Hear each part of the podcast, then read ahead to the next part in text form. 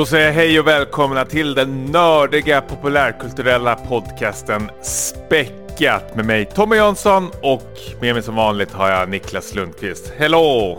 Hello! Hello Tommy!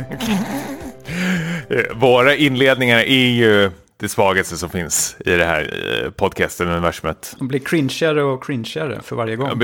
Ja, precis. Men vi är som ett eh, ångtåg som bara drar igång sen så fort vi får lite eh, kol i oss. Ja. Hur är läget? Jo men det är bra. Eh, mycket som händer nu. eh, på, på alla möjliga fronter. Vi kommer ju komma in på det direkt. Så jag, jag tänkte inte dra, dra ut och göra det ännu värre än vad det redan är. Så hur är det med dig? Är det bra? Det är bra. Vi, vi måste väl båda, eller båda, särskilt jag kanske måste be om ursäkt redan för ett eh, keft ljud här från min sida. Det är så att min son har liksom hängt i min liksom eh, mickarm och micken. Så liksom högtalaren som är inkopplad till micken, eller hörlurarna, har liksom knäckts av. Så det ligger en liten 3,5 millimeters eh, te telehane i min mikrofon nu. Som har typ påverkat ljudet har vi märkt. Men eh, ja, då blir det en ny mikrofon. Ja, Ser på ljusa sidan och, och ett nytt barn kanske. Byter ut. byt in barnet mot en ny mick. Ja, men det, ja precis. Uh, hörru, vi, eh, ska vi kicka igång på direkten? Eller vill du berätta någonting om ditt privatliv? Verkligen det är rätt trist va? Nej, elräkningar eh, står Ja. upp till öronen. Ehm, jag skulle vilja hoppa in direkt på en eh, filmfestival som eh, ska kicka igång nu i eh, veckan. Eh, Monsters of Film. Har du koll på den här? Så det är ju en festival som jag har, om man säger beundrat på avstånd. Jag har aldrig besökt den, men alltid när de släpper programmet så eh, går jag in direkt och kollar vad det är den här gången. För det är, det är alltid en rolig mix, tycker jag, av liksom gamla skräckisar som både obskyra och kända. Som, som man då får chansen att se på eh, festivalen. Men också nya filmer som eh, man får då chansen att se före alla andra. Ja, Ehm, precis, precis, det är någon slags här nischfestival. Jag tycker det, fan, det är de bland de roligaste eh, som finns egentligen. Särskilt för dig och mig som är skräckfantaster. Och gillar både eh, gamla som nya skräckfilmer. Eh, och vi tänkte väl typ så här att till eh, kommande avsnitt så ska vi liksom prata om eh, filmerna som ska liksom visas på den här festivalen. Tyvärr, på, eller tyvärr, men festivalen visas ju bara enbart i Stockholm. Så antagligen så om man bor utanför Stockholm så får man liksom eh, att ta sitt pick och pack och åka upp eller ner hit beroende på var man kommer ifrån. Eller så finns det ju ett alternativ och det här älskar jag. Det här är väl den ljusa sidan av pandemin. om man säger. Att de, många av de här festival, eh, liksom, har ju börjat med något som heter online-pass. Och Monsters of Film är ju inte liksom sena med det heller. Utan de har ju även ett online-pass som man kan fixa via så här, Draken-film eller någonting. Där de har eh, några utvalda filmer som man kan se. Men jag tycker att du och jag Eh, vi har ju tittat igenom det här programmet och det är liksom eh, ett gäng filmer som vi är skitpeppade på. Jag tror vi har pratat om några filmer ehm, eh, innan. Och sen finns det liksom lite äldre filmer också som de tar med eh, också i den här festivalen som vi kan väl rekommendera. Eh, på rak arm Niklas, har du något eh, du vill ta upp? Ja, men om vi tar lite, vi börjar med nya filmer som, som jag sett fram emot länge så är det ju eh, filmen som jag nämnde i vårt 2022 pepp-avsnitt, nämligen Crimes of the Future. Eh, David Cronenbergs nya. Eh, Remake på sin egen film. Ja, men exakt. Eh, och det visste jag inte då, utan det, det kom som en nyhet sen att han har ju gjort den här förut, men som jag har förstått det ska det vara två väldigt annorlunda eh, filmer. Eh, den har ju Sverige-premiär senare i höst, men det här blir ju då en chans att eh, se den innan alla andra då, som sagt. Så den är jag väldigt peppad på. Sen kan jag säga en film som faktiskt inte haft Sverigepremiär och förmodligen inte kommer gå upp på bio, vad jag vet, men som jag har sett. Eh, det är ju då Mad God, eh, Phil Tippets, eh, om man säger stop motion skräckfilm. Han, Phil Tippett är ju känd för att han har gjort liksom mycket så här modeller till Star Wars-filmerna och Starship Troopers och alla möjliga sådana här filmer som jag växte upp med på 80-90-talet.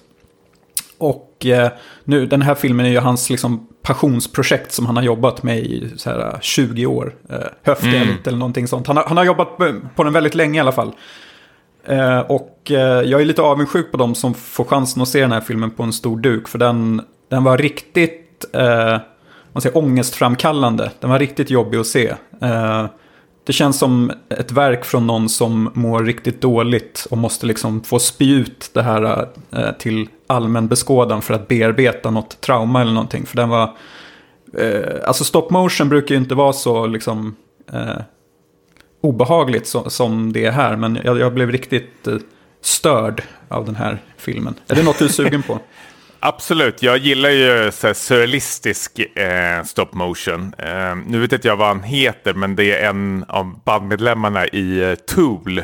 Är väl känd för, han har väl jobbat med så här, eh, Terminator 2 och massor med andra eh, filmer, storfilmer. Men han gjorde ju även musikvideorna till de här gamla Tool-musikvideorna. Som är typ, alltså Parabola och sen kommer jag inte ihåg vad de hette länge sedan. Men de är ju sjukt bra. Och jag får ju väldigt mycket sån känsla när jag har sett trailern på Mad God. Så det, det, här blir det ju absolut att se för mig. Jag är ju skitpeppad på den här. Mm. Eh, eh, ja, jag måste ändå, då måste jag ändå säga att jag, eller det har vi också pratat om, men eh, Vortex, alltså Gaspar Noers eh, film som han har gjort med, eller med, men där bland annat eh, Dario Argento är med eh, som huvudrollskådespelare. Eh, du och jag har väl någon slags otrolig förkärlek till den här provokatören Gaspar Noer. Eh, som har gjort Irisabel och oh, Climax har vi pratat om och Enter the Void. Mm. Alltså han, han, är ju, han har ju ett... Ehm, eh, eh, Alltså när man ser Gaspar Noers filmer så liksom är man ju helt utmattad. Eh, Vortex ska ju liksom skilja sig rätt så mycket från hans tidigare filmer och ska vara lite av det liksom seriösa hållet och det handlar om ett äldre par i liksom demensåldern. Um, och det, bara där låter ju liksom så som så super uh, på direkten. jag, um, jag, jag, är superpeppad på den här filmen och den kommer vi prata om uh, senare också i framtida avsnitt tror jag. Du och jag kommer uh, se den. Ja, och visst är det så att både Gaspar Noé och Dario Argento besöker festivalen. Det är liksom hedersgäster som ska prata om sina filmer. Eh, ja, men precis. Så det är ju det eh. också som är kul, att när det kommer, dyker upp de här, det finfrämmandet av personer som inte besöker Sverige så ofta annars. Så det är också en, liksom en stor möjlighet. Eh. Ja, och, och på, på, tal om Dario Argento så släpper ju han även Dark Glasses också, som också är en film som visas på eh, den här festivalen. Mm. Eh, som jag också är superpeppad på. Jag, jag gillar Dario Argento-filmer, eh, så den här ser jag också eh, fram emot.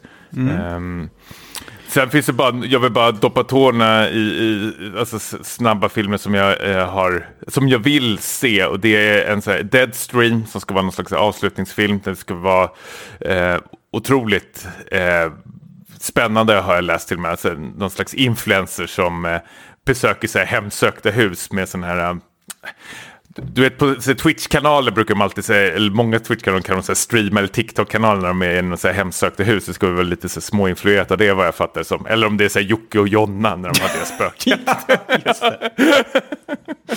ja. Uh, ja, där vill man ju att det ska gå åt helvete uh, för dem. Men det gör det väl aldrig. Men i den här filmen kanske det...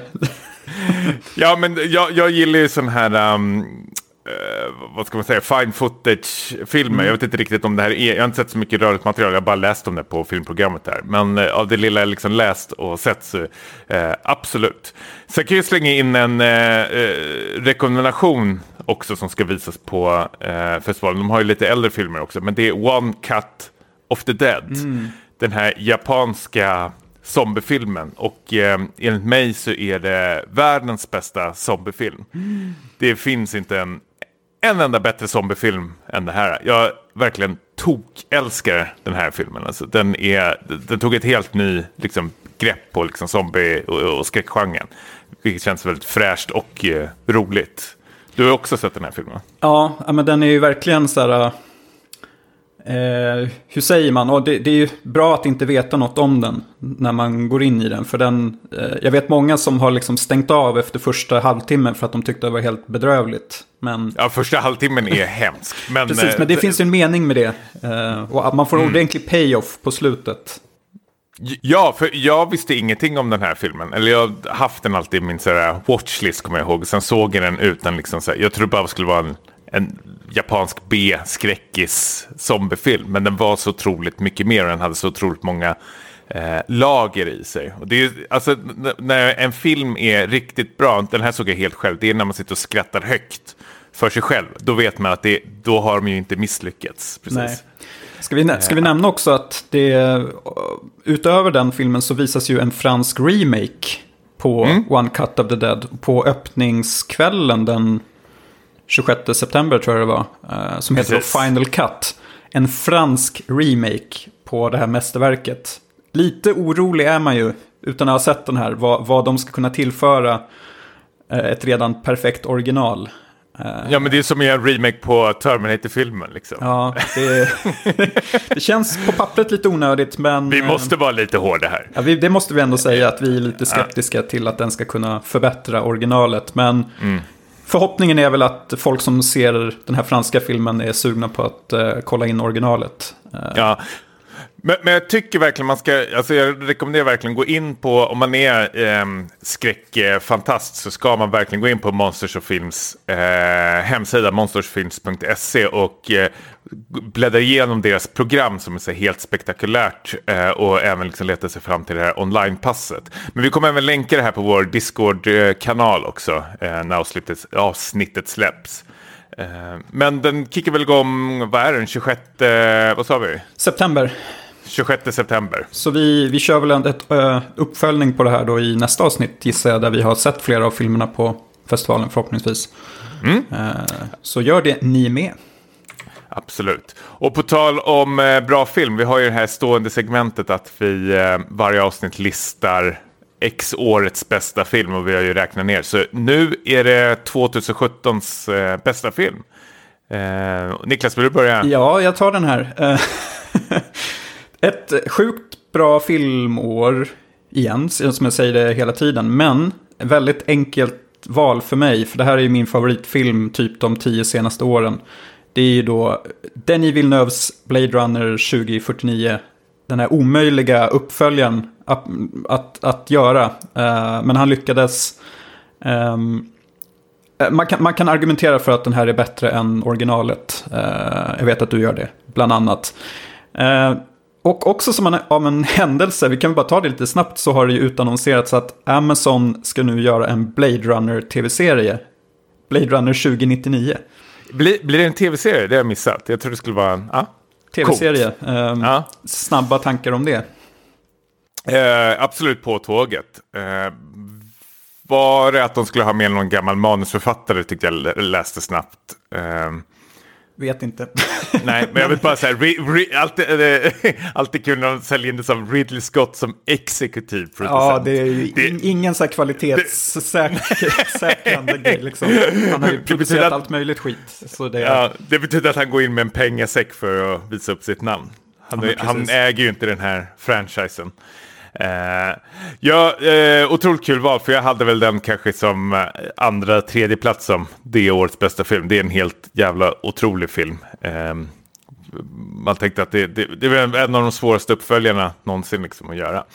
Men eh, jag måste, vi har pratat lite om honom eh, i tidigare avsnitt och det är Jorgos eh, film The Killing of a Sacred Deer.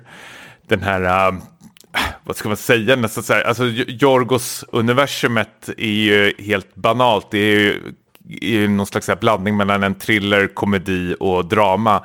Där Colin Farrell, Nicole Kidman och eh, deras barn liksom blir eh, vad ska vi säga, förföljd, nästan så här, psykiskt eh, misshandlade av, eh, nu glömmer jag bort vad skådespelaren heter. Barry Eh, Keegan. Ja, som, har är en- helt... Ja, Han har också en koppling till mm, Colin Farrells karaktär. Och det är... Det eskalerar väl ganska rejält. Han är ju sjukt obehaglig, Barry Keegan. ja han, men han är helt otrolig. Han är, vi minns väl honom i, eh, han är ju med bland annat i Chernobyl, är han ju med, och Dunkirk, Batman, eh, Green Knight är han med också. Alltså han, han är, jävlar vad han växer alltså. Men han har ju någonting med sitt, han spelar ju otroligt bra som den här uh, unga, vad ska man säga, så här... Uh, Brittisk. ah, men han, man vet inte vad man har honom i, i den här filmen. Och eh, den har ju någon slags här, avslutningsscen eh, som eh, är helt otrolig tycker jag. Eh, den är... Jag vet inte, det är någon slags här mörk satir på det här eh, uh, Jorgos-universumet som är så jävla underbart tycker jag. Att man bara köper det hur eh, de här karaktärerna beter sig, vilket gör det ännu obehagligare. Nej, skitbra. Alla, uh, Nicole Kidman och Colin Farrell är också så här, helt grymma i den här filmen faktiskt. Um... Ja, den var på min topp tre-lista. Ja, uh, coolt. Mycket bra val. Yes, ska vi uh, hoppa in lite på spelnyheter? Mm, um, kör. Det har ju varit uh, full fart på sistone med ett nytt Nintendo Direct och ett nytt State of Play. Och medan vi spelar in så håller ju Tokyo Game Show på att gå av stapeln. Men vi tar det väl i ordning och börjar med Nintendo Direct. Där du berättade för mig Tommy innan att du har en hot take här som du vill dela med dig av. ja, men, eh, det här var nog min första Nintendo Direct någonsin som jag såg liksom live. Annars brukar jag vara så här, alltså, det här brukar krocka oftast, antagligen om det är jobb eller att de går så här mitt i natten och då ligger jag och sover eller någonting, så då brukar jag ta det på morgonen. Men eh, det här tog jag faktiskt på eh, hemresan från eh, jobbet eh, i telefonen. Ehm, hot take, men alltså no någonting jag märkte väldigt, väldigt, väldigt snabbt var ju att när de här eh, annonsen kom fram, inte de här japanska, eh, nu glömmer jag alltid bort vad de heter, men som håller på och knäpper med fingret hela tiden. Men att det är så här, hej, bla, bla, bla, det är alltid någon amerikansk röst som ska presentera de här. Men då är det ju alltid a new RPG simulator. Typ Real life simulator. Ja, alltså det bara haglade med sådana här uh, Harvest Simulator-spel mm. liksom. Alltså Rune Factory 3 nu kommer jag inte ihåg vad alla hette, men det var ju typ så 40 stycken känns som. Och jag kände då att, för fan vilken jävla tråkig genre det här är. Och alla såg exakt likadana ut, att de skulle så här harvesta upp de här grönskorna och, och sen skulle man gå upp i level. Sen var det någon slags oengagerad story som rullade i bakgrunden. Liksom. Men jag kan tänka mig att det här är en väldigt stor genre i Japan, eller? Det är en väldigt stor genre i hela världen. Jag tänkte Stardew Valley och allting. Mm. Liksom. Folk gillar den här management-grejen. Uh, My, time at uh, My time at Porch är ju också så svinstort. Jag tror det är större än vad vi tror egentligen. Men jag tycker att, alltså nu sitter jag och tittar på bilderna på de här också. Var det Fay Farm? Är det något annat som kommer? Alltså, vad fan är det för någonting? Något tätt uh, i stil med så här Various Daytime. Låter som, ja. no, jag vet inte vad de har hittat på där, något projektnamn som aldrig har gått vidare till. men ja. Nej, jag, jag, så, ja, men då, då märkte jag då eh, när jag tittade på det att det, jag är så otroligt trött på den här genren. Alltså. Eh, det, det, känns som man sett den 40 gånger hela tiden, mm. samma sak hela tiden. Det känns som de aldrig släpper de här spelen, utan de bara teasar dem hela tiden, om och om igen. Liksom. Ja, men lite samma, samma skit som recyclas. Uh, ja. Ja, men jag måste väl säga då, det jag tog med mig var ju ett släppdatum och en titel på nya Zelda-spelet. Tears of the Kingdom. Spekulerades mm. ju i att uh, man, de inte ville sända det här i England för att respektlöst mot uh, kungadömet. Men var det inte något sånt där sjukt? Att de, att de klippte bort det från England? Jag tror att de inte, Nintendo of UK sände inte den här Precis. direkten. Ja. Det var respektlöst då. Ja, du skrattar. Jag tänkte precis säga tankar om det, men du garvar ju. Ja, men det är väl fjantigt. Eller? Ja, det tycker jag faktiskt. Jag tycker att man måste väl förstå att de inte har bytt undertitel precis när drottningen dog. för, att, alltså, för att det, håna. Ja, för att håna. Alltså, folk som så här, kopplar till det är ju helt... Alltså, jag, all, all respekt liksom, till folk som går bort och sånt där, men samtidigt måste ju världen Gå fortsätta. Vara, ja, men jag vet inte. Vad, vad, vad, vad, skulle drottningen säga om det här? Eh, någon kom upp, Nej, men de kom upp till himlen och träffar eh, The Gang, liksom. Eh, Iron Lady och hela gänget, rövgänget som sitter där. Ja. Did, you, did, you, did you hear the news, Queen? they stopped the Nintendo, it was Nintendo Direct, and they pulled off the plug just for you. Amazing. Oh dear! Jolly. Jolly. ja, nej, jag jag blev ju irriterad för de ställde ju in helgens Premier League-matcher. Jag tycker, vad är det här för någonting? Kom igen, nu går vi vidare med våra liv. Ja, okej. Okay. Ja, skitsamma, men det, det blir kul eh, när det kommer. Eh, om det inte blir uppskjutet igen. Eh, är du, är du, har du något mer från Nintendo Direct eller ska vi hoppa vidare till?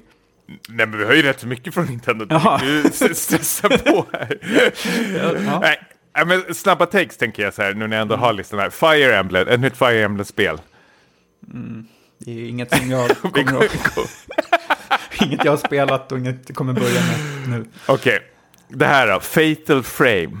Mask of the Lunar Eclipse.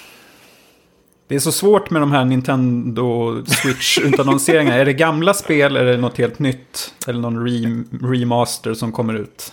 Eh, jag fattar som, som att det är ett eh, gammalt spel. Men många av de här, Fate of Frame är ju även känt som Project Zero också, är ju, eh, kommer ju även till andra konsoler också. Så man måste ju ha det i åtanke när man tittar mm. på den här. Um, jag vet jag, det enda minne jag har av Fatal Frame-spelet är att något av dem så är det väl att någon av tjejerna i de gamla spelen har någon slags trosmätare som fylls på av så här kiss. Att man blir så rädd att man kissar på sig. Du har berättat den här storyn förut i späcket. Det är något du verkar Det är något som har fastnat hos dig. Men, jag, men, men ja, men det, det är ju det är väldigt ju så originellt. Eh, så här, jag vet, så här, Eternal Darkness hade väl typ så här en sanity-mätare, men de hade väl så här, en trosmätare, hur mycket urin som... Ja, det finns eh, något något riktigt gubbsjukt över de här Project Zero-utvecklarna, eh, känns det som. Men ja, man har inte sett det förut, det har man inte gjort. Nej, precis, så man ska ge dem det. Eh, undrar vad drottning hade sagt om det. Ja. oh, det. Oh dear. Penny for your knickers. Um, vad var det mer då?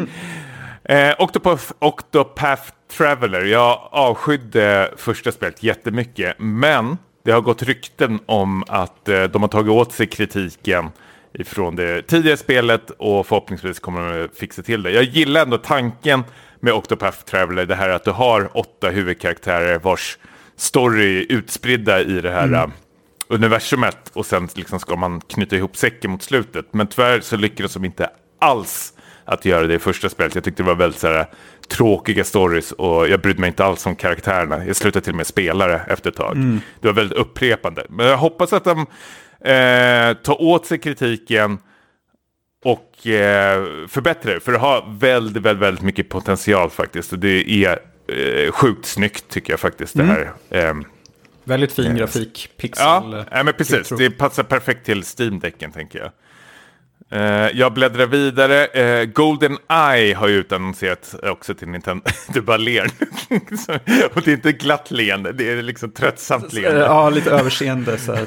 Att, ja, men, uh, det är ju något med de här gamla Nintendo 64-spelen som gör att jag, är liksom, jag blir nostalgisk när jag, när jag ser det. Jag tänker ju på, ja, men uppe på din vind Tommy, när man växte upp. Låter som någon sån här Fritzl... Mina tillvaro liksom. Men vi, men vi spelade ju mycket Nintendo 64 multiplayer uppe, uppe hos dig där när man växte upp. Och det är väldigt kära minnen. Sen mm. så vet jag inte om det skulle ge mig så mycket att uh, spela det här idag. Nej, du har helt rätt. Alltså jag, de släppte väl typ någon sån katalog nu på Nintendo 64-spel. Äh, Pilot Wings, 1080, Excited Bike 64. Alltså det som jag liksom varit så här, ja men det här kan jag ändå se mig prova på. Det är ju Mario Party 1, 2, 3. För vi har ju något slags så här, årligen rövgängsmöte, du och jag och några vänner. Men och, köpte, spelet... köpte mm. inte vi ett senaste Mario Party till Switch och där ingick alla de här spelen? Nej, det, det, det, är väl någon slags all, tänk dig någon All-star-grej, att det är väl så här handplockade ah. eh, favoriter från alla de här sten, spelen. Mm. Um, men det skulle säga med Goldeneye i alla fall, det som är, det kommer också till Xbox, um, är ju att, um, uh, nu tappar jag lite ord där, Nej, att det finns någon slags online-funktion. Alltså mm. det var ju multiplayen som glänste i, i det här spelet. så det är väl det i sådana fall då att uh, det kommer växa där. Tänker ja, jag. Nu kan man inte fuska och titta på varandras uh, rutor när man kör co couch co-op. Ja, men det var ju det som var lite skärmen också. Ja. Eh, jag vill bara säga ett eh, nytt mobilspel i Pikmin-universumet har kommit. Ett till sånt där man ska, liksom, inte Pokémon-liknande, ah, nästan förstås. Att du ska på telefonen och, och så ska du gå ut i världen och leta upp de här Pikmin. Jag är inget fan av Pikmin alls. Jag tyckte de var rätt så tråkiga. De spelade, fan vad rolig den här podcasten var. Neggpodden. Neg, ja. ja Neggpodden. Men det som även eh, jag gillar ändå med eh, Pikmin mobilspelet är att den är en slags stegräknargrej. Så du får med eh, lite träning i den. Alltså, den här motivationen att gå ut och röra på sig. Alltså, jag tycker ändå sånt är bra faktiskt. Att man får komma ut. Eh, sen kan ju folk hålla på och argumentera att man bara går runt och rör på sig och tittar ner i telefonen. Men det, det gör man inte faktiskt. Det är, fan, det är så jävla cyniskt tänkt. Vi gillar tanken med det, men just det här såg inte så kul ut. Eh, var att man skulle plantera blommor. Ja, precis. Men, men, men, så, men så länge de här överviktiga människorna bara går ut och rör på sig så blir så, det ändå... Då har de gjort något, något bra. ja, men fan, det, man kan inte... Alltså, Får jag, får jag generalisera gamers? får du göra. Nej, men man måste ju träna. Alltså, det går inte att dra de här åtta timmars passen framför. Alltså, kroppen är inte byggd för det. Man måste fan träna upp sig, annars kommer man bara gå sönder. Vi, vi, som blir äldre och äldre, eller blir aldra då, men vi, vi, känner väl av det att det, det funkar inte längre. Ja, men jag, jag, alltså, jag pratar för mig själv här till och med. Jag har ju en sån jävla syltrygg alltså som jag måste hålla igång hela tiden. Om jag sitter i så här långa pass, jag kommer ju gå sönder då. Alltså. Mm. Så därför är, till alla gamers där ute och eh, Tommy Jansson vinner stora journalistpriset, Guldspaden, rör på er. ja, det, det, har du rätt i. Jag, jag, mm. jag skriver under på det. V vare sig vikt eh, så är det bra rör på sig. Mm.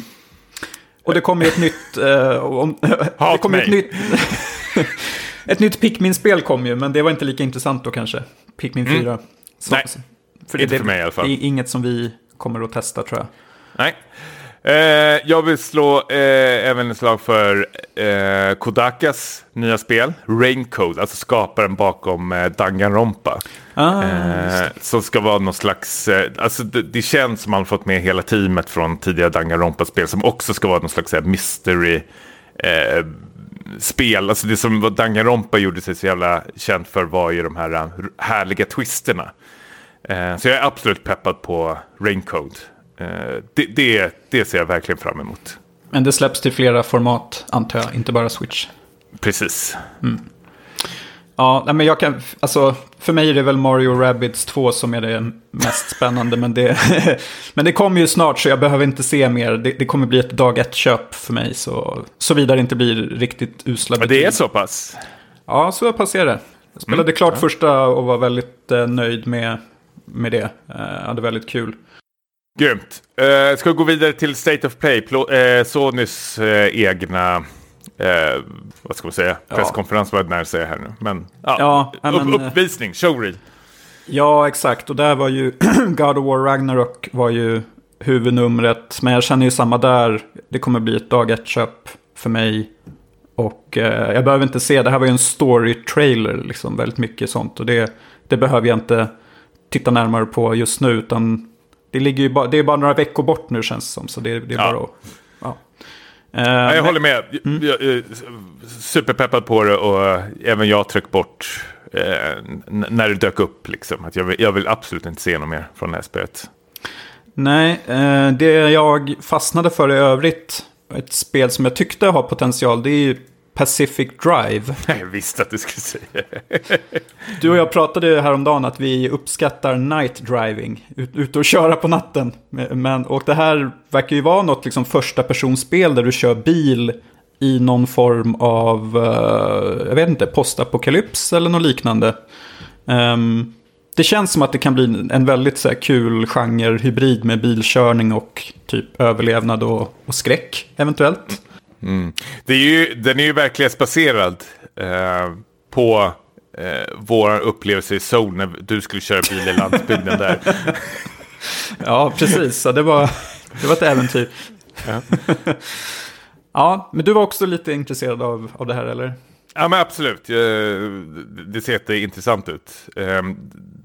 Men det ska bli intressant om det är någonting att man måste underhålla bilen vad jag fattar som. För det såg ut som bilen hade lite sån här, inte häls hälsomätare, men var det stod, typ som Gran Turismo-spel vart den var skadad någonstans eller någonting. Så man kanske måste byta lite olja. någonting. Fan vet jag, usch vad vi är dåliga på att by- byta lite Ja, vi olja. kan ju inte sånt, så vi, vi, det kanske blir något helt nytt för oss att eh, sköta om den här bilen. Ja, jag måste slå upp en eh, instruktionsbok för att sätta på.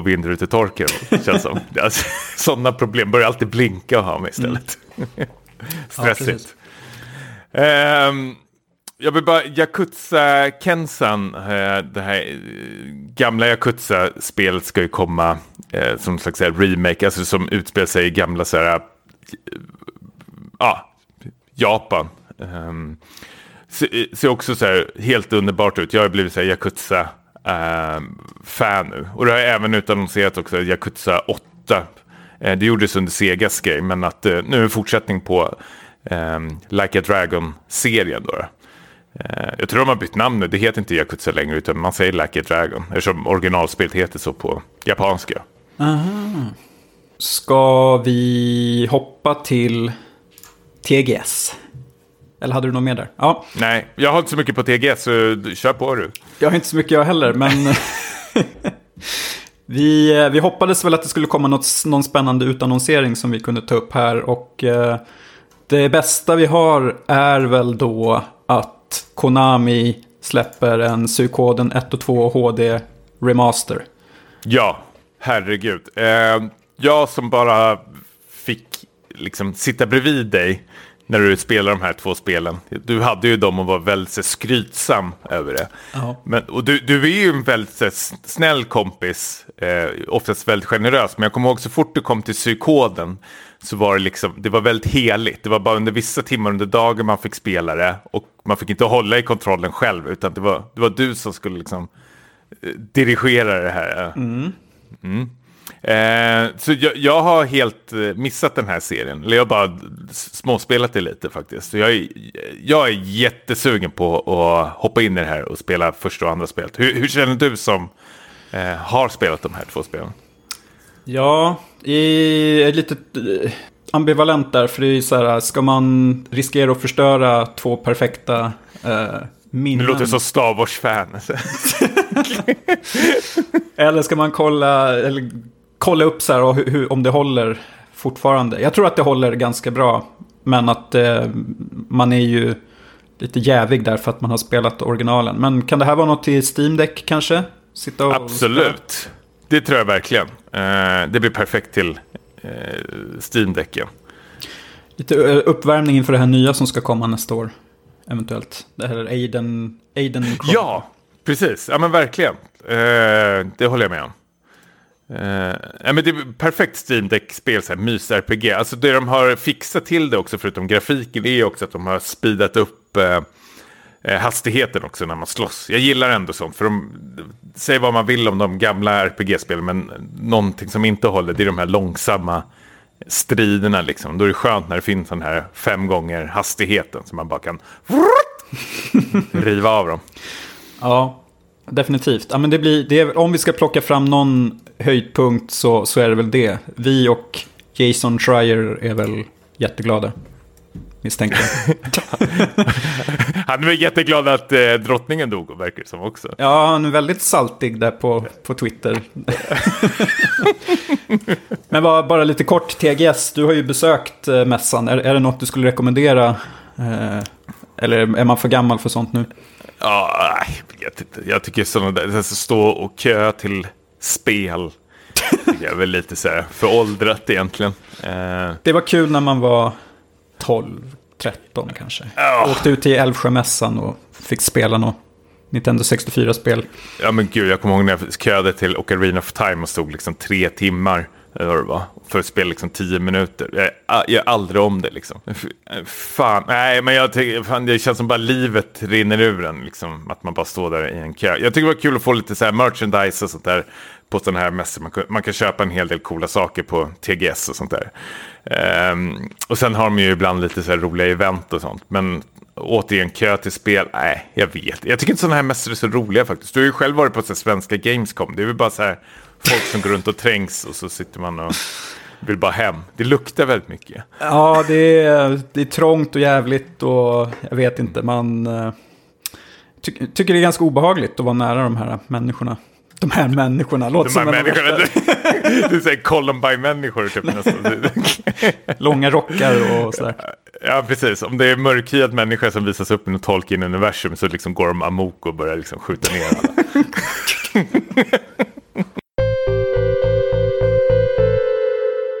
Vi har ju spelat lite grann eh, sen sist. Eh, jag kan börja då med Immortality som är tredje spelet från eh, den här, vad säger man, kreddige indie-regissören eh, Sam Barlow. Ehm, jag spelade hans första spel, Her Story, som var väldigt hypat när det kom. Eh, hans eh, specialitet är väl att han, det är liksom full motion videos som eh, man eh, kollar på. Eh, så eh, har du spelat något av hans spel? Har du någon uppfattning om vad det rör sig om? Ja, jag har spelat Her Story eh, och jag hade det rätt så högt på när vi för länge sedan hade en sån här Gotilista och fick en utskällning från er alla. Ja, jag, min, jag minns någonting där, men jag kommer inte ihåg vad, vilken sida jag stod på. För jag hade ju också spelat det, men problemet jag hade, jag tyckte att det var väldigt spännande. För det, det var något man inte hade sett förut. Eh, liksom själva gameplay-loopen, eller vad man säger. Att man skulle titta på de här klippen och eh, försöka liksom pussla ihop vad som har hänt här. Eh, Ja, men det var ju så här okronologiskt också så man var tvungen att hoppa runt lite med de här banden och dra i eh, tidskoderna Exakt. och lyssna. Men jag, det var en härlig twist i det också. Nej, men jag spelade inte hans andra spel, Telling Lies. Um, för det var ju något med Her Story som ändå inte riktigt så här, kändes hun- hundra för mig. Uh, intressant koncept, men inte så roligt att spela alla gånger. Uh, men nu, med Immortality, så har han väl kammat hem sina finaste liksom, betyg och omdömen hittills. Så då tänkte jag det är dags att ge Sam Barlow en ny chans. Uh, och eh, man känner ju igen upplägget från Her Story. Det, det är huvudsakligen så handlar det om att genom att samla på sig filmklipp från tre olika filmer som, eh, som alla, figur, alla har gemensamt att det figurerar en huvudskådespelerska som har försvunnit. Och man eh, ska då försöka kolla på de här filmerna och se om man kan pussla ihop vad som har hänt. Och det sker ju på ganska spännande sätt att eh, man, Eh, man kan klicka på det mesta i de här filmklippen. Antingen skådespelare eller liksom rekvisita. Och när du gör det då hoppar du liksom till ett annat klipp eh, från en helt annan del i den här tidslinjen. Och eh, ja, men det känns lite som i vet inte, första Blade Runner när man sitter och tittar på den här eh, datorskärmen och de säger så här enhance liksom. Och så ska man kolla liksom vad är speciellt i den här bildrutan. Ja, det finns en nyckel i, som, som rekvisita här. Klickar vi på den och så hamnar vi i en helt annan del eh, av det här filmuniversumet. Och så ska man försöka förstå. Det låter hoppigt. Det är väldigt hoppigt. Det, är- det, det är det som gör att jag är lite, jag är lite kluven här också. För det är en väldigt så här, fascinerande idé. Men eh, det är också lite frustrerande att spela, tycker jag. Särskilt de första timmarna. Nu känner jag att jag har kommit in lite i vad, vad tanken är att man ska göra. Ehm, för det, det finns ju absolut ingen så här lista där du ska checka av med så här objectives. Gör si, gör så. Utan det är du själv som liksom måste driva på det här. Och eh, se till att eh, du kommer vidare. Men det låter som så här otroligt hög eh, tröskel. Jag tänker väldigt mycket på så här Outer Wilds. Liksom, att de bara s- släpper en i det här universumet. Liksom. Och om man inte kommer över den där tröskeln så eh, kan det vara liksom... Då, då, då verkligen hatar man det. Alltså det känns som det är två läger här. Alltså så älskar man det eller så ja, är det för liksom tungt. Precis, för jag har ju sett eh, många som liksom delat ut full pott till det här. Att det är liksom, för att det har klickat för dem helt enkelt. Jag står fortfarande och väger vad jag tycker. Jag har inte spelat klart det här. Eh, Det finns ju slut, eller så eftertexter man kan se. Och ehm, målet är att ta sig dit. För det är ändå ganska kul, liksom de här filmerna. Om man är filmintresserad som du och jag är så är ju de ganska roliga. En är till exempel en så här gammal eh, film där de har spelat in den i Europa om några nunnor i ett kloster som känns som en så här Paul Verhoeven snuskfilm. Alla de här filmerna är ju så här erotiska, så börja tänka lite på de här typ Phantasmagoria-spelet, om du Mm. minns, med de här li lite halvpajiga full motion videoklippen som var väldigt spännande att titta på när man var i den åldern, för att det var mycket naket och sådär. Som, ehm, så det är kul. Och så finns det ju här också liksom, det finns möjlighet, jag ska inte spoila mer, men det som har varit häftigast hittills är ju när man liksom lyckas, eh, vad säger man, manipulera de här filmklippen lite. Eh, av en slump så kom jag på hur man gjorde det och då, det var väldigt häftigt. Då kände jag att okej, nu måste jag liksom börja titta om på filmklipp för att se om jag kan göra det här också. Eh, och komma vidare. Men hur, hur långa är de här filmerna? Varierar, vissa är bara liksom 15 Men det var tre långa. filmer, eller hur? Alltså film, filmerna är ju... ehm, precis, tre filmer och du, det är ju inte hela filmer utan det är ju olika scener från de här filmerna. Som sen hamnar i en viss ordning. Och så ska man försöka liksom se ett samband, gissar jag då, en röd tråd genom de här tre filmerna. Ehm, för ju mer du liksom luskar reda på, desto mer får du reda på att ja, det, det verkar ha hänt saker liksom på inspelningsplatsen. Du får ju också följa med bakom kulisserna när de repeterar de här scenerna eh, med skådespelarna. Vad coolt. Alltså det låter ju astufft tycker jag. Men jag kan förstå också att det blir väldigt tungt. När man bara får det här materialet i, i knät. Så ska man, man vet inte riktigt var man ska börja. Men eh, jag tänkte, är, är det att man låser upp nytt material också? Eller har du allting från början? I, bör, I början så är det bara ett filmklipp. Och sen i takt Okej. med att du klickar då på, ja men säg till exempel en persons kaffemugg. Så hoppar Mm. du till ett annat filmklipp där det också är en kaffemugg. Eh, Och då har du låst upp det filmklippet? Då har jag låst upp det filmklippet. Så i början hade jag ju bara ett, men nu har jag kanske, ja men säg 40-50 stycken då. Okej. Och då kan man sortera dem i de här filmerna? Ja men exakt, eller? de läggs ju, man får, kan välja själv liksom hur, hur de ska visas upp. Men jag brukar ha dem då i kronologisk ordning från när de filmades. Liksom. Så den första filmen är ju från typ 60-talet och den sista är ju från nutid i princip. Ja, men jag tänker att filmklippet i filmen, kan, Mm. får man reda på när det togs också? Förstår du vad jag menar om det Ja, ja, början ja, slutet av filmen? Ja men precis, de läggs ju där också så att du, Ah. du pusslar ihop filmens handling allt eftersom. Och det är därför det är liksom, i början är det ju lite frustrerande för att det känns som bara lösryckta scener. Och du ser ju de här filmklappningarna, vad heter det, filmklappa? Ja, Ja, där det står liksom när, vilken scen det är i ordningen och så vidare. Men nu har jag ju liksom börjat förstå vad filmerna handlar om.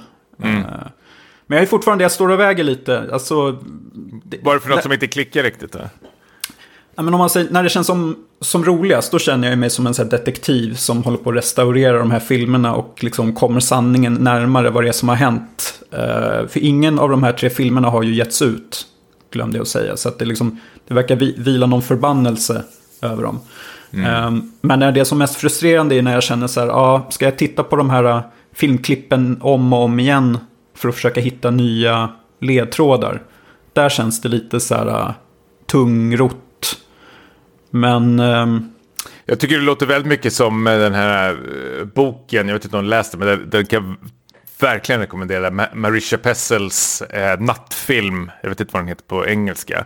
Den är eh, bland de bästa typ sådana här thrillerna jag har läst. Som också handlar typ om en journalist som så här, gräver i en, eh, i en gammal filminspelning. Liksom. Som Man vet inte riktigt om den är en så ritual, alltså att det är en snufffilm eller om det är liksom bara hittepå. Liksom.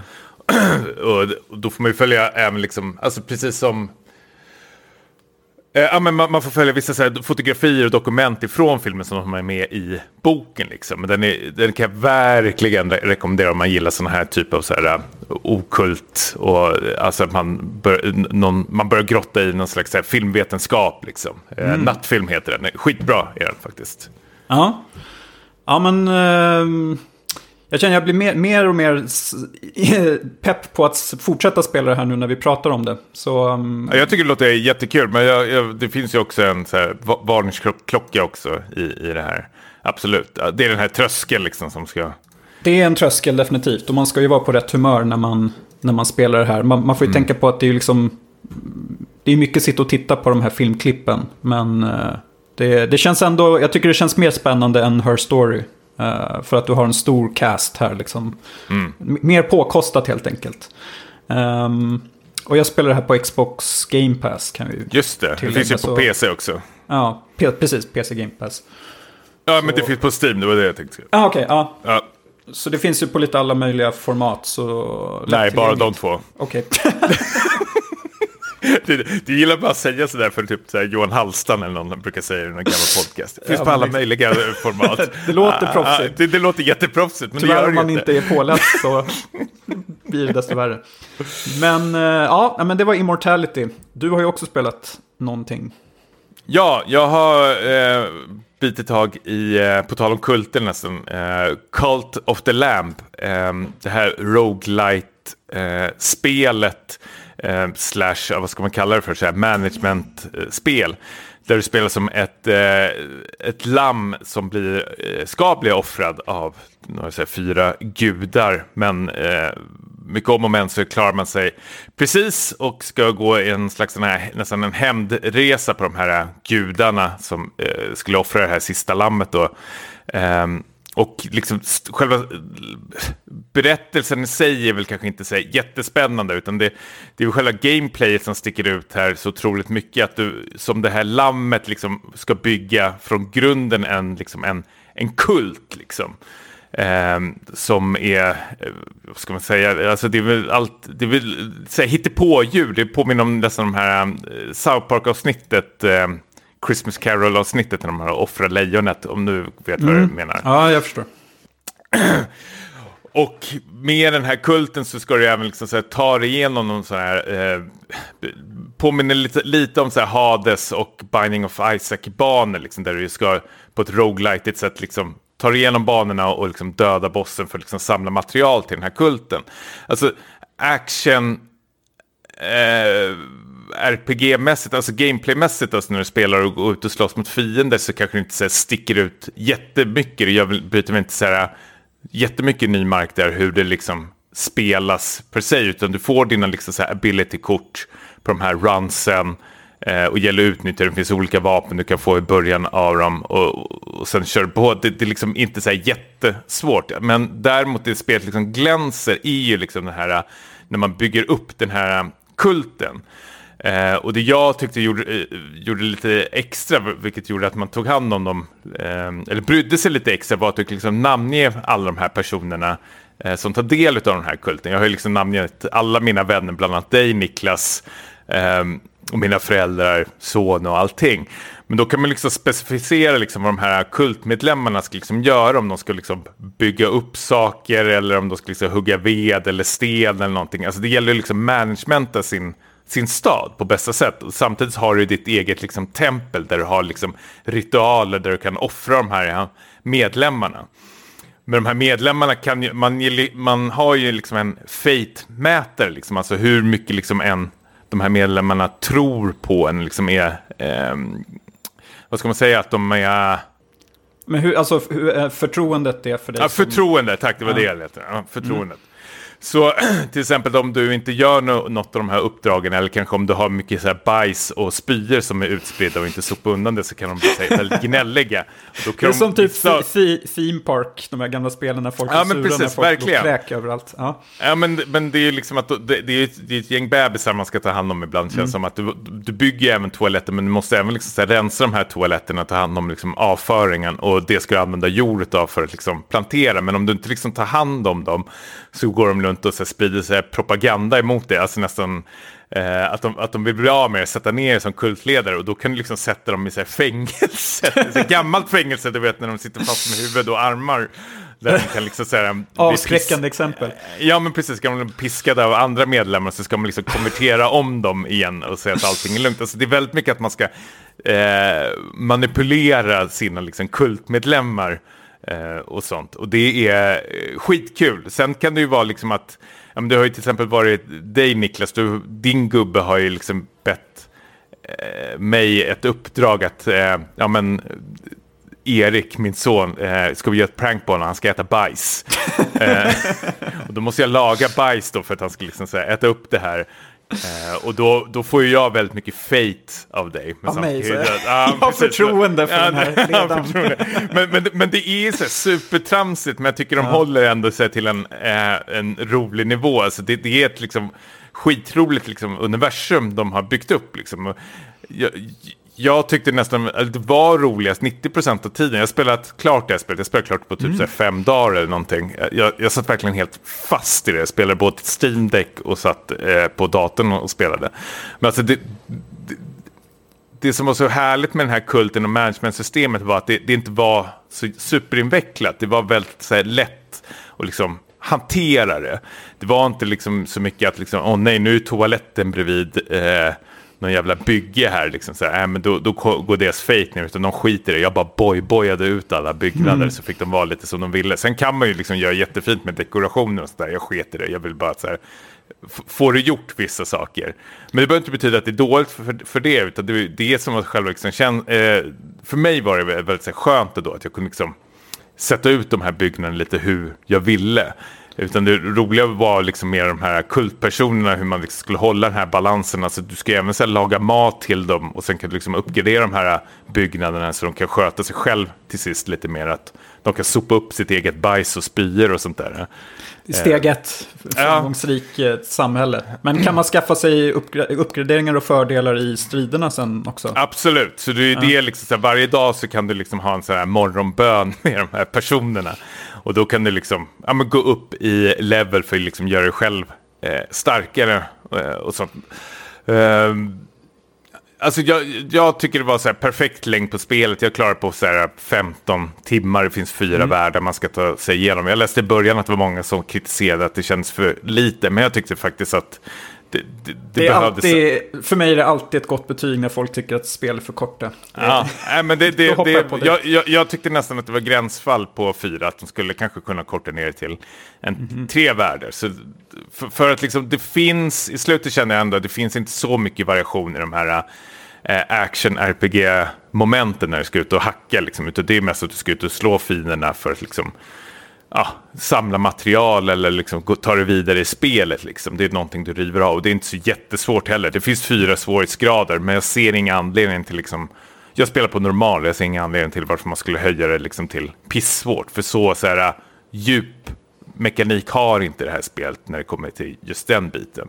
Utan själva hjärtat i det här spelet ligger ju på den här hanteringen av kulten. Liksom. Jag vill ju bara tillbaka till den och gå runt och fixa och pyssla i den och allting sånt där. Eh, jag tror eh, lätt en av de här eh, underdogsen i år som kom från liksom ingenstans som bara överraskar. Jag tycker det är hur bra spel som helst. Alltså. Och det här betyder liksom inte att det är dåligt de här action-RPG-momenten. Jag tyckte faktiskt det var rätt så skönt att det var väldigt så här äh, lättillgängligt och man behövde inte sitta och pilla med massor med stats och sånt. Utan det var väldigt så här, rakt på sak. Och det, det tycker jag faktiskt det är till sin fördel faktiskt. Eh, att det, det var väldigt lätt att plocka upp och köra igång. Jag är superpeppad.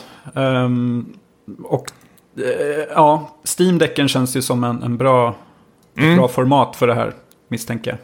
Steam Decken var verkligen 5 plus uh, att spela på. Men jag tyckte det var skönt till...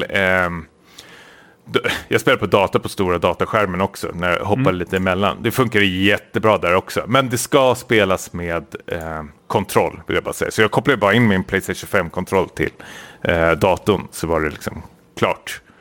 Men eh, verkligen otroligt stark eh, rekommendation faktiskt. Um, säkert om man har Steam Deck nu. Men det finns ju till... Jag tror det finns till alla plattformar.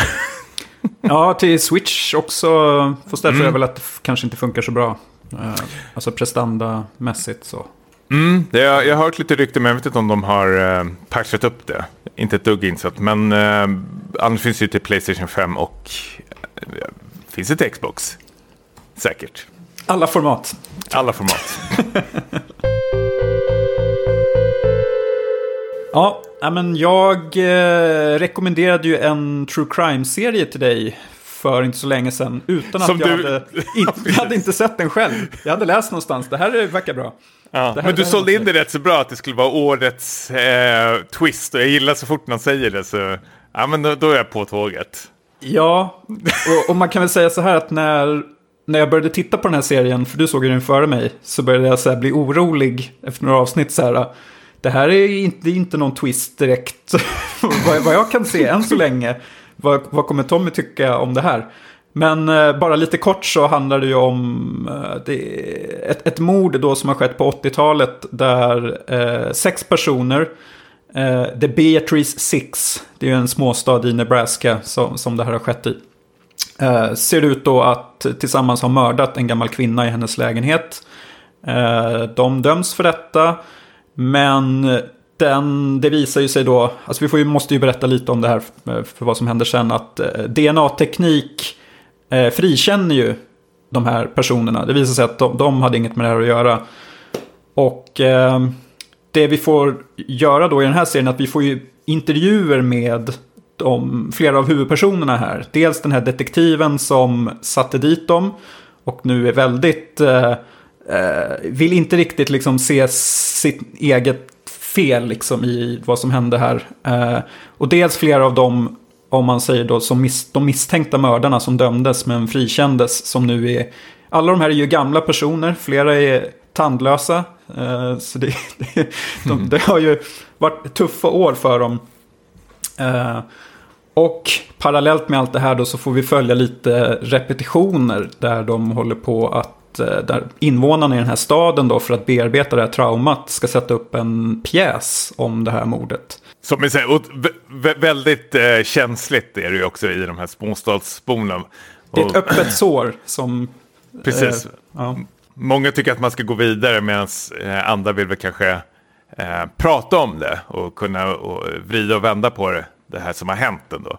Ja, man ska, ju- man man ska säga också att eh, eftersom de här personerna eh, har suttit i fängelse flera år eh, för något de inte har gjort så får de ju ett saftigt skadestånd som staden ska betala. Och det blir ju då invånarnas skatt som liksom ska göra det här. Så att inte nog med att folk påminns om det här hemska mordet då, utan att de ska ju liksom betala då. Även så här unga personer i den här stan förstår inte riktigt varför ska vi betala för, för någonting som hände när vi inte ens var födda. Ja, men precis. Spetsa till Eh, det. nej, ja, men, nej, men det stämmer ju. Men grejen med det, här är ju bara en liten skitstad ju. Eh, vilket betyder att straffet, eller liksom det de fick i ersättning var väl typ så här 30 miljoner dollar eller någonting. Vilket betyder att det är över liksom stadens budget, vilket var de var tvungna att söka till konkurs liksom. vilket gör det ännu värre. Ja, det är helt sjukt. Så hela, hela staden blir ju liksom bankrupt på grund av det här eh, mordet och att liksom staten har ju liksom eh, gjort ett fel. Eh, enligt liksom de här DNA-visningarna. Och vissa liksom menar fortfarande, även fast DNA säger att eh, det inte stämmer överens med de här sex, så är, vill, är ju många av dem, särskilt de anhöriga, liksom, vill inte lyssna på det här. Utan de, det här känns väldigt typiskt USA, att man bara vill ha eh, man, man vill ha ett ansikte på liksom gärningsmannen och man vill att de ska sitta och skaka galler och sen liksom vem det än är skiter man nästan i. Utan det, det är liksom, Det ska hittas en syndabock och det ska vara liksom någon, gärna någon typ svagbegåvad person som inte kan försvara sig som, som man liksom kan övertala. Ja. Eh, Över, så här, ja men du var ju här, du, du gjorde ju det här. eh. Vi såg väl dig i typ det här Making a Murder också, var det lite så här samma tematik. ja men precis. Men det, det, det blir ju det här att eh, staten och, och eh, polisen och allting liksom går på vad kan man säga, den, den, den lilla människan, alltså outbildade, eh, fattiga och sånt där. Alltså de har inte så mycket att förlora, tror jag man tänker liksom. Och därför blir det väldigt lätt att kasta dem liksom under bussen eh, för det här. Och särskilt när det är några av dem som liksom lider kanske av eh, men, allt från så psykisk sjukdomar och kanske att de inte är helt liksom, ja men de har kanske någon bokstavskombination eller någonting och kanske inte, de är lätta att manipulera och eh, utnyttja. Och man får ju ta del av vissa av de här eh, förhören, vilket är så helt otroligt eh, vi- vidriga egentligen hur de här poliserna ens har kommit undan med de här typen av intervjuteknik. Alltså allt ifrån att de stänger av eh, bandspelaren mitt under intervjun. Ja, tvek, tveksamt. eh, Ja. Helt klart. Men vad kände du? Kände du samma som jag liksom under resans gång att det, det är välgjort men när kommer det här som, som, som Niklas har pratat om? Absolut. Eh, efter två avsnitt så känner jag det här har jag sett eh, tusen gånger. Det här är en klassisk gammal så här, feg dramaturgi man använder. Att man bygger upp någonting, alltså att man vet redan, alltså man har redan svaret på direkt de här journalisterna som har eh, eller redaktörerna som har liksom, eh, ja, researchat det, om det här. Ja. Men nu gäller det liksom att dra ut på det så mycket som möjligt. Jag tycker det blir, eh, alltså till en början, de två, tre första avsnitten så liksom rör de det ihop det för mycket för sitt eget bästa. Liksom. Det ska liksom introduceras, ja, men det känns nästan som så 20 karaktärer och många av dem är inte ens liksom kopplade till det här mordet utan du ska liksom bara trycka in kontext för kontextens skull. Jag tycker att här, den här hade mått så mycket bättre av att korta ner det till eh, så tre avsnitt kanske eller någonting. För det är väldigt mycket dött kött kan jag känna i efterhand. Ja, alltså jag, jag håller ju med. Och, och jag kände typ att så här, det första jag skulle vilja ta bort är ju typ de här repetitionerna på, inför den här pjäsen. För jag kände att det här känns som utfyllnad. Mm. Men, mm. måste ju då säga att i sista avsnittet så får man ju en rejäl belöning när vi som tittare liksom får vara med på när de framför den här pjäsen. Och i publiken sitter ju alla de här människorna som har varit med i intervjuerna. Dels vissa av dem som dömdes för mordet. Eh, anhöriga till den här döda eh, kvinnan. Mm. Jag får gåshud nu när jag pratar om det. Ja, jag också faktiskt. det är så fruktansvärt starkt. Alltså hela den biten.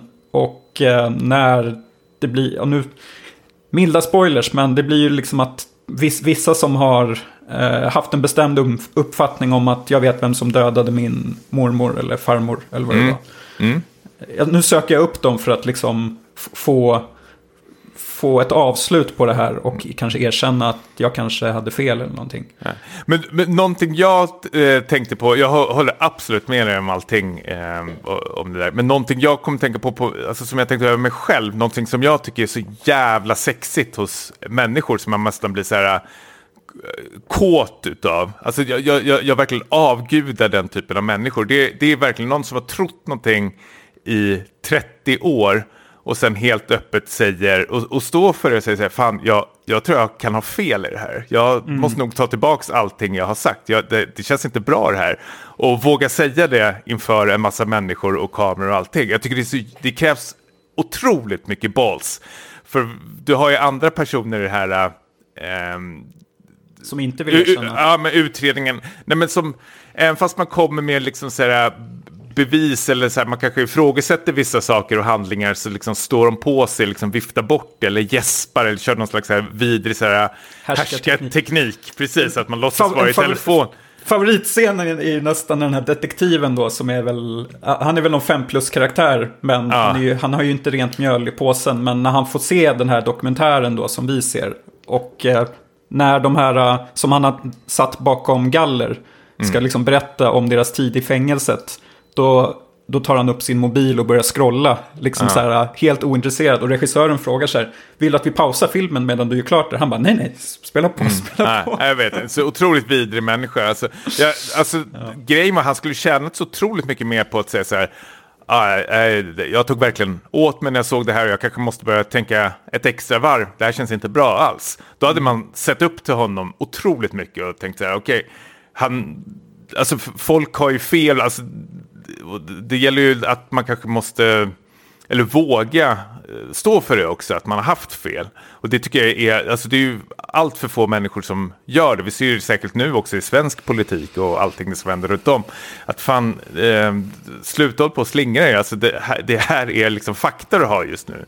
Mm. Eh, och om den här personen, det är en person som kommer ut och säger att, liksom att det, fan, jag, jag är överbevisad, jag, det här känns inte okej. Det är verkligen en superfin stund tycker jag.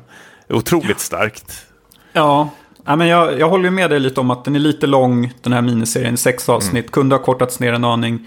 Men sista avsnittet gör det på något sätt värt det för mig ändå. Att uh, uppbyggnaden, det får ett bra avslut. Mm. Eh, Så att göra, all, alla som gillar true crime är, är ju en stark rekommendation till.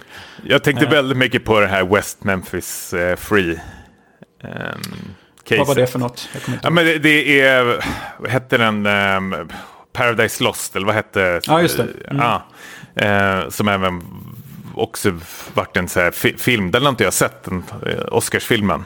Jag tror den heter West Memphis eller någonting. Oscars dokumentärfilmen. Ja, just det. Så, som mest knöt ihop säcken. Men Paradise Lost-filmerna 1, 2, 3 som också finns på HBO eh, Max är ju otroligt. Där de här tre unga barnen blir typ så här brutalt mördade och våldtäkta och så är det väl tre ungdomar som får åka dit för att de lyssnar på Metallica. Lätta måltavlor. Ja, precis.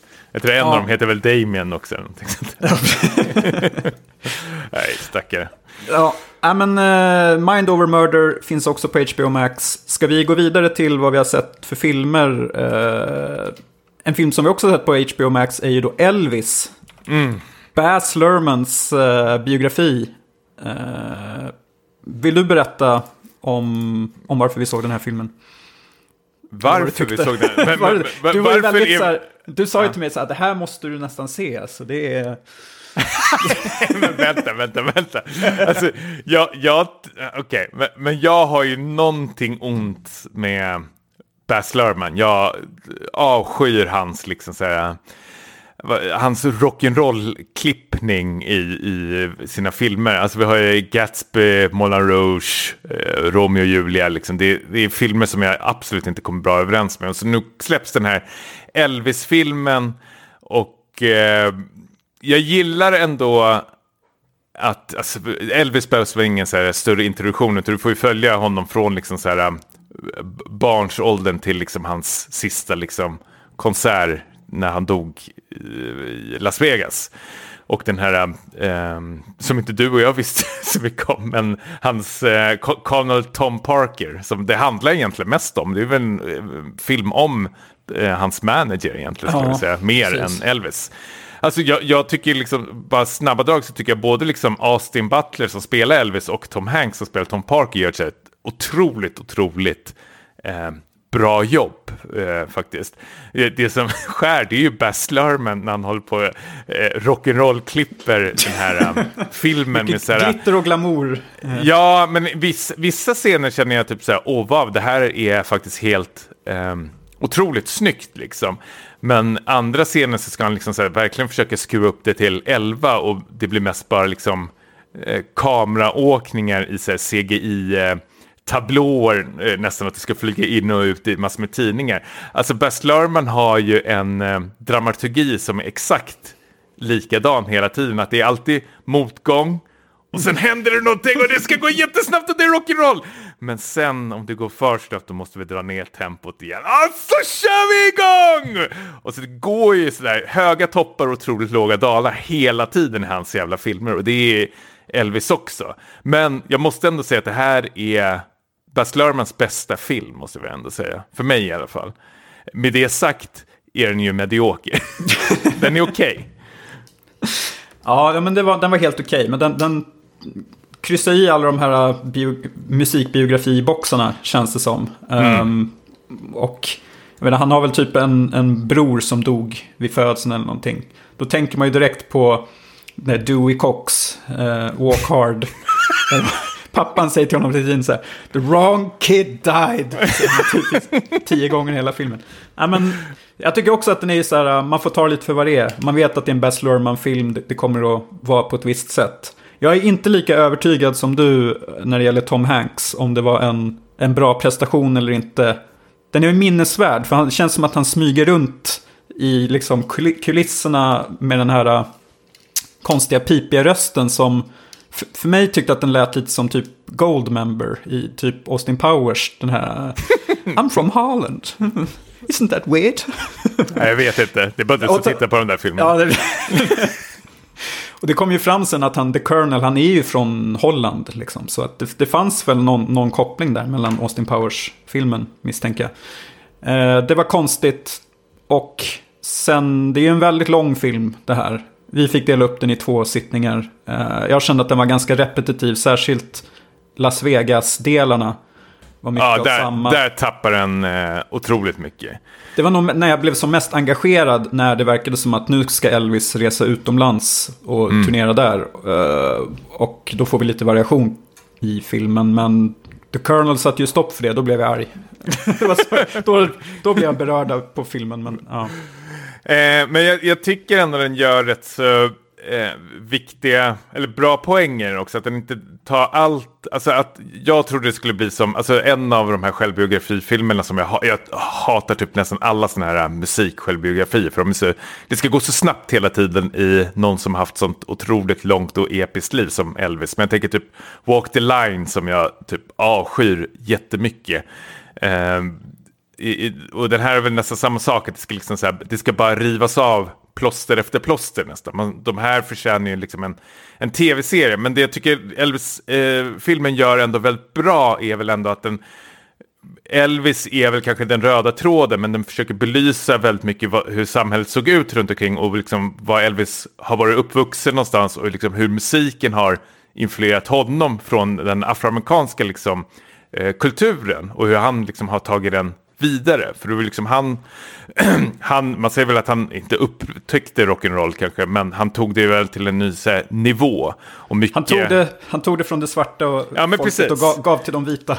Ja, ja men verkligen. Och det, det himlar ju inte eh, filmen alls med. Utan eh, jag tycker ändå de gör eh, så gott de kan i alla fall. För att ändå liksom påpeka det väldigt många gånger att det är eh, afroamerikansk liksom, musik det kommer ifrån. Och det gör de både med så här, gammal liksom, soul eh, rockmusik till modern R&B musik som eh, klipps in i filmen. Och jag tycker ändå det är väl någon slags ändå eh, hyllning är väl fel sätt. Men, men liksom att den, den blir ju positivt liksom tillrättalagd på det sättet ändå. Att, eh, som ett så här, historiskt dokument. Eh, Ja, men den, det är en lite upplysande film. Mm. Eh, alltså just den biten kände jag igen förstås. Men för mig, det är en lyxig förpackning. Där man får ta del av, av Elvis eh, liv, de viktigaste delarna. Mm. Kan jag känna. Så, och my- mycket av det jag inte visste att han mest hängde i Las Vegas. Det var inte så kul i och för sig, men det, det var ändå intressant. ah. Var det no någonting från hans liv du saknade? Jag har två Det saker. är, väl, det är väl när han brer sin sista macka. ja, ja, jag tänkte exakt samma sak. Elvis Jag tänkte att det var det som var det sista liksom. Han brer mackan och sen fejdas det ut på något sätt. Vad var påläggen? Det var väl så kött Det, det är en och- klassisk... ehm, ehm, Du, du har facit eller? ja, jag, ska, jag ska googla, för jag har, det här brukar komma upp på eh, quiz, Quiz night. ibland. Ja, precis. Peanut butter and banana sandwich. Bacon, peanut butter och banan. Ja, det låter ju riktigt Det- vidrigt. Men var det inte den han liksom sket ur sig det sista han gjorde när han fick så här hjärtattack i Hjärt- toaletten? Ja. ja, men det var väl det. Eh, det var in, inget hälsosamt liv han levde. Ja, men det, det, det saknade jag. Vad saknade du mer? Ja, men, ja, men det, det är ju en, to, en toalettscenen skulle man ju vilja ha när han bara ramlar ihop. Det är ovärdigt egentligen. Men, men, Viva Las Vegas! Ja, jag funderar så här, kommer de gå dit? Nej, jag tror inte det. Inte bäst. Stas Lerman. Nej, han, han vill ha någon mer. Nej, men jag skulle vilja ha, alltså, jag, jag pratar med några Elvis-fans som jag känner och de säger så här, det är, de doppar lite tårna i det, men det fanns en otroligt mörk period när de bara så här, och jag kollade upp det också när de började så här massproducera Elvis. Där under slutet av 50-talet, början av 60-talet tror jag var då han släppte så här, tre skivor per år eller någonting. Och gjorde massor med sådana här filmer, Blue Hawaii och allting. Och det var ju bara så här skitfilmer. Det skulle jag vilja nästan se mer utav. Hur liksom så här, eh, man, bara liksom kramade ur allting ur honom för att med på de här usla inspelningarna. För det jag gjorde efter jag såg den här filmen var ändå att jag satt och började kolla upp gamla så här Elvis-filmer och satt och tittade på dem lite grann. Otroligt få plus knappt alltså. Det är så jävla uselt alltså. Eh, Jag tror de det- nämner det i filmerna, typ så här, eller han säger själv, inga filmer eh, är något att vara stolt över. nej. Eh, Så där, Men det- saknas något. Mm. Ja men precis, men jag började gräva också i Elvis eh, liksom, album. Han, det är ju en artist som har varit liksom två plus för mig, tre plus max. Alltså, alltså In the Ghetto och Suspicious Mind är ju så här otroligt tråkiga låtar som ska spelas på typ så här, känns så här OS-invigningar eller så här. In the Ghetto. Inte getto. inte getto. Nej, men du fattar vad jag menar, man hör ju dem Mm. hela tiden. Eh, men när man började liksom, när jag gick in på eh, nu vet jag inte vilket sida det var, där de hade liksom grävt fram liksom obskyra Elvis-låtar, då kände jag liksom att nu, nu har jag liksom det är som, det är som när, den där tiden du hatade mig som mest när jag satt och grävde disco house-låtar från 70-80-talet. när inte du ville Ja, prata med mig. När jag Nej. drog fram Detroit-mixar och sånt. Väldigt trendkänslig. Ja. jag höll på att bli det nu också. Men eh, ja. så är det med det. Ja, vi, eh, vi, om man vill är sugen på Elvis så finns det ju på HBO Max. eh, Om man är sugen på Best Lerman så finns på HBO Max. Ja, precis. Ska vi ta det här i mål då med filmklubben? Eh, Det var ju jag som valde det här. Samaritan. Det känns som att du förstör sim- filmklubben mer och Jag mer. drar ju ner den med mina val. eh, Plus att du inte vågar visa dig på Discord längre. Nej, men jag ska bli bättre där, jag lovar. Eh, Samaritan är ju då nya superhjältefilmen på Amazon Prime. Där Sylvester Stallone spelar en, eh, ja, ryktas som att han är, eh, han är ju en sop, sopgubbe egentligen som har ett mystiskt förflutet. Som en ung grannpojke då eh, försöker ta reda på. Eh, kan det vara så att han är den här eh, försvunne superhjälten Samaritan som påstås ha dött i en brand för eh, 20 år sedan? Drog jag till med någonting. Ehm, Ja, men det stämmer. 25 år sedan tror jag va? Ja, ja men jag, jag river av plåstret direkt här. Att det här känns ju som en så här, jag vet inte, 90-tals superhjältefilm från 90-talet som borde ha stannat där. Eh, det är väldigt så här, tråkiga, deprimerande, nedgångna miljöer. Eh, in the ghetto, om vi ska säga så. I den här staden Granit City, som den rör sig i. Eh, Påhittad Detroit City-stad. Ja, men precis. Det ska ju vara något liksom där, där buset har tagit över helt enkelt. Uh, Sylvester Stallone, jag tyckte han var, jag såg den här Creed-filmen för inte så länge sedan, tyckte att där är han liksom värdig och bra. Eh, men i den här filmen är han mer sömngångar-mode, känner jag att. eh, han har lite roliga dialoger med den här ungen då. Eh, skurkarna riktigt svaga. Det är ju gängmedlemmar som hamnat snett i tillvaron som Stallone då spör upp. Eh, det finns inte mycket att ta med sig. Det enda som jag tyckte var skönt var att det här var en superhjältefilm som inte hade någon koppling till Marvel och DC. Där det skulle liksom skohornas in massa karaktärer liksom och eh, som ska knyta det här till något större. Och ingen så här post-credit-scen. Eh, vad jag såg, jag stängde i och för sig av direkt när den var slut. Så. Ja, samma här. Så det lämnar vi öppet. Ja. Vad tyckte du? Nej men jag, ja, det finns inte så mycket att tillägga här. Ja, det enda jag kan kanske säga emot för att skapa någon slags dynamik i den här recensionen är väl att jag köpte väl kanske Sylvester Stallones eh, rollpresentation eh, mer än vad du gjorde och tyckte väl att det var han som bar filmen. Jag tycker ändå om när Sly är Sly, när han är samarbiten och haltig av sig. Jag, det rör inte mig så mycket, utan no något som jag tycker eh, stör mig på det är så dåliga skurkar och det här var ju bara ett gäng eh, de kändes som så här högstadiemobbare som skulle vara lite så här tuffa. Eh, det är ju någon sån här otroligt cringe scen när de sitter i bilen och hon, ena skurktjejen börjar vifta med en slags pistol mot föraren och han säger Hey take it easy! Och så är det klart med det. Nej, det jag, jag vet inte riktigt vad den här äh, filmen vill säga och det behöver man inte alltid ha heller någonting budskap men det känns som den vill trycka in oss någonting. För eh, du har ju ständigt i eh, tv och radion så hör du ju det här äh, arbetslösheten som stiger hela tiden. Ehm, och jag vet inte riktigt vad filmen vill säga om det, för den gör ju ingen liksom så här, eh, Poäng jättepoäng. mer. Po- nej, precis. Utan det Och är det är väl så här liksom, typ att, att arbets... Ja men precis, maskinerna tar över våra jobb eller någonting. Eller något, var det något nyhetsreportage?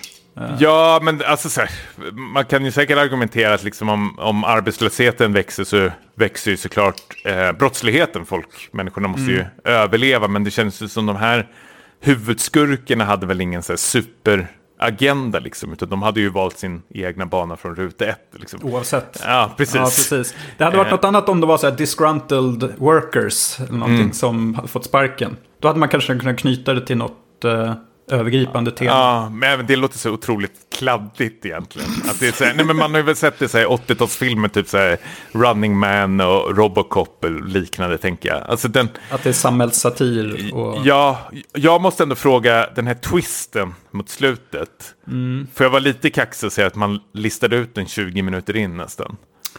Jag gjorde inte det, men jag har Nej. hört flera som tyckte att det var uppenbart. Eh, det, då piggnade jag till i och för sig lite när den twisten kom. Att, Mm. ja, vi, spoiler, men att det, är, han, är ju inte Samaritan, Sylvester Stallone, utan han är tvillingbrodern Nemesis, den Mm. onda versionen. Så han är, en, han är elak egentligen då. Eh, men sen när det är sagt så känns det inte som att det spelar någon roll för resten av filmen. Nej, Sen ska och, han ändå liksom slåss med skurkarna. Det har ingen betydelse direkt. Ja, det, jag vet inte, jag vet inte, för i slutet när den här lilla pojken har, gör en intervju när han har räddat så säger han så här, Samaritan did it eller någonting. Men det var ju inte han. Jag fattar Nej, inte. han ljuger. Ja, bo, Ja, men det, är börjar det, är, det är viktigt att samhället får, får någon figur att se upp till. Elvis. Elvis. Elvis eh, macka i toaletten. Jag läste en otroligt rolig eh, recension eh, på Letterbox. Det var någon som skrev When you order unbreakable from Wish. ja, precis. Och det känns lite som en så här fattigmannens unbreakable faktiskt här. Ja, att det skulle vara en sh- Shyamalan, Shyamalan twist. Ja, men du har ju, ja, precis, och så har du den här superhjälten som inte vill vara superhjälte och det här barnet som liksom ska... Eh, Tvinga fram det. ja, precis. Eh, nej. Ja, Jag har, jag har inget mer att säga. Nej, inte jag heller. Jag är, men jag, jag är väldigt glad att jag... ehm, det positiva jag tar med härifrån är väl ändå Sly. Jag tycker han är eh, väldigt behaglig att titta på. Jag har inte så superhöga förväntningar när det är en Sly-film, men jag tycker ändå när Sly är Sly så är han Sly. Och då får man en, en, en sleva Sly. Slev av slev. Ja. Men, Mm. vad blir det nästa gång? Ja, jag tänker, eh, du vet inte ens vad det blir för eh, film. Utan det är en eh, Amazon Prime-film igen. Och det är Alien 2 on Earth. Och för att förtydliga det är att det här är en eh, uppföljare till första Alien-filmen. Och det är inte aliens vi pratar om, utan det är italienarna tog sig friheten att göra en egen uppföljare till Alien. Innan Aliens släppte, såklart. Eh, italienarna tänkte vi, vi behöver en uppföljare till eh, första Alien-filmen, så vi gör, eh, vi gör en egen. gör en egen, och dö- vi gör den ja, själva. precis. Och, och döper den till Alien, Alien 2 on Earth. Och den finns på Amazon Prime, säkert uh, hyra någonstans, men... ehm, eh, ja, eh, du och jag är ju otroligt så här, Alien-fans. Vi älskar ju det här universumet. Så det här ska bli väldigt, väldigt, väldigt spännande tänker jag att ta del av. Eh, och om det går så här, skoskava in det i det här universumet. Det är väldigt kul med så här, Italien eh, under 70-80-talet, att de tog sig friheten och gör sån här eh, spoof tänkte jag säga, men nästan så här remakes eller så här, de gjorde väl de här zombiefilmerna ehm, som de bara döpte till Zombie 2 eller något. Alltså det var så jävla konstiga eh, numerologier på de här filmerna, kommer jag ihåg. Ja, men de, de lyckas ju komma runt copyright eh, skyddade titlar på något sätt. Men på något sätt, de, de är ju, var ju i Italien då, de sket väl bara i det. De sket i det. Vi, Ja, men- vi, varför ska vi bry oss om det här? Vi Ja, har men inte skrivit precis. på något. Nej men precis, vad ska ni göra? Stämma oss här? Ni, ni är Ja. från Hollywood, ni får liksom... Ja, men Zombie Flesh Eater, nu ser jag, den heter egentligen Zombie 2. Ja men du hör, det är så här superstrulig eh, Mm. antologier. Ehm, ja, eh, eh, men vi ska hålla oss till eh, Alien 2 Ja. i alla fall. Eh, och se vad det blir. Det ska bli superspännande tycker jag ändå. Jag är peppad. Då var det slut för idag. Slut för idag. Vi vill eh, också peppa inför, inför att eh, ni är hjärtligt välkomna till eh, Discord-kanalen. Vi har ett otroligt härligt eh, gäng där som... Eh, jag tycker fan många av dem är så jävla duktiga på att uppdatera med nyheter och lägga in liksom trailers till eh, nya filmer eller spel och allting sånt där. Fan, ett stort jävla plus till er som eh, hänger eh, på Discord-kanalen och svarar och skriver saker och allting sånt där. Niklas, du är ju Ett stort jävla minus. Ja, du är stort jävla minus. För, för, för, nu, nu måste jag ändå fråga dig, nu, nu, mind over murder här, journalistik. Varför är du inte trevlig på Discord mot våra lyssnare? Jag, alltså jag tycker att jag är trevlig, men jag kanske inte är så bra på att liksom ge dem återkoppling. Nej, men, uh. här, jag pratade med resten av gänget där, du vet så här, mm. Darante, det är liksom spelat, det är Gotupodden. De, äh, nej, nej, schysst podcast och allting, men den där Niklas, vad, vad fan är det för fel på honom? Han skulle väl två lösarna. Alexander Cederholm var med. ja, nej, det kommer att bli bättre. Jag, jag, kan nästan lova det den här gången att uh, jag ska in och skriva, skriva av mig och vara trevlig. Det har du sagt varenda gång, men nu vill, nu, nu vill vi fan se det alltså. Nu vill vi se kvitto på det. Ja, en ja, mening per dag i alla fall. Ja, ja bra. Mm. Tack ska ni ha. Ja, hej. Hej då.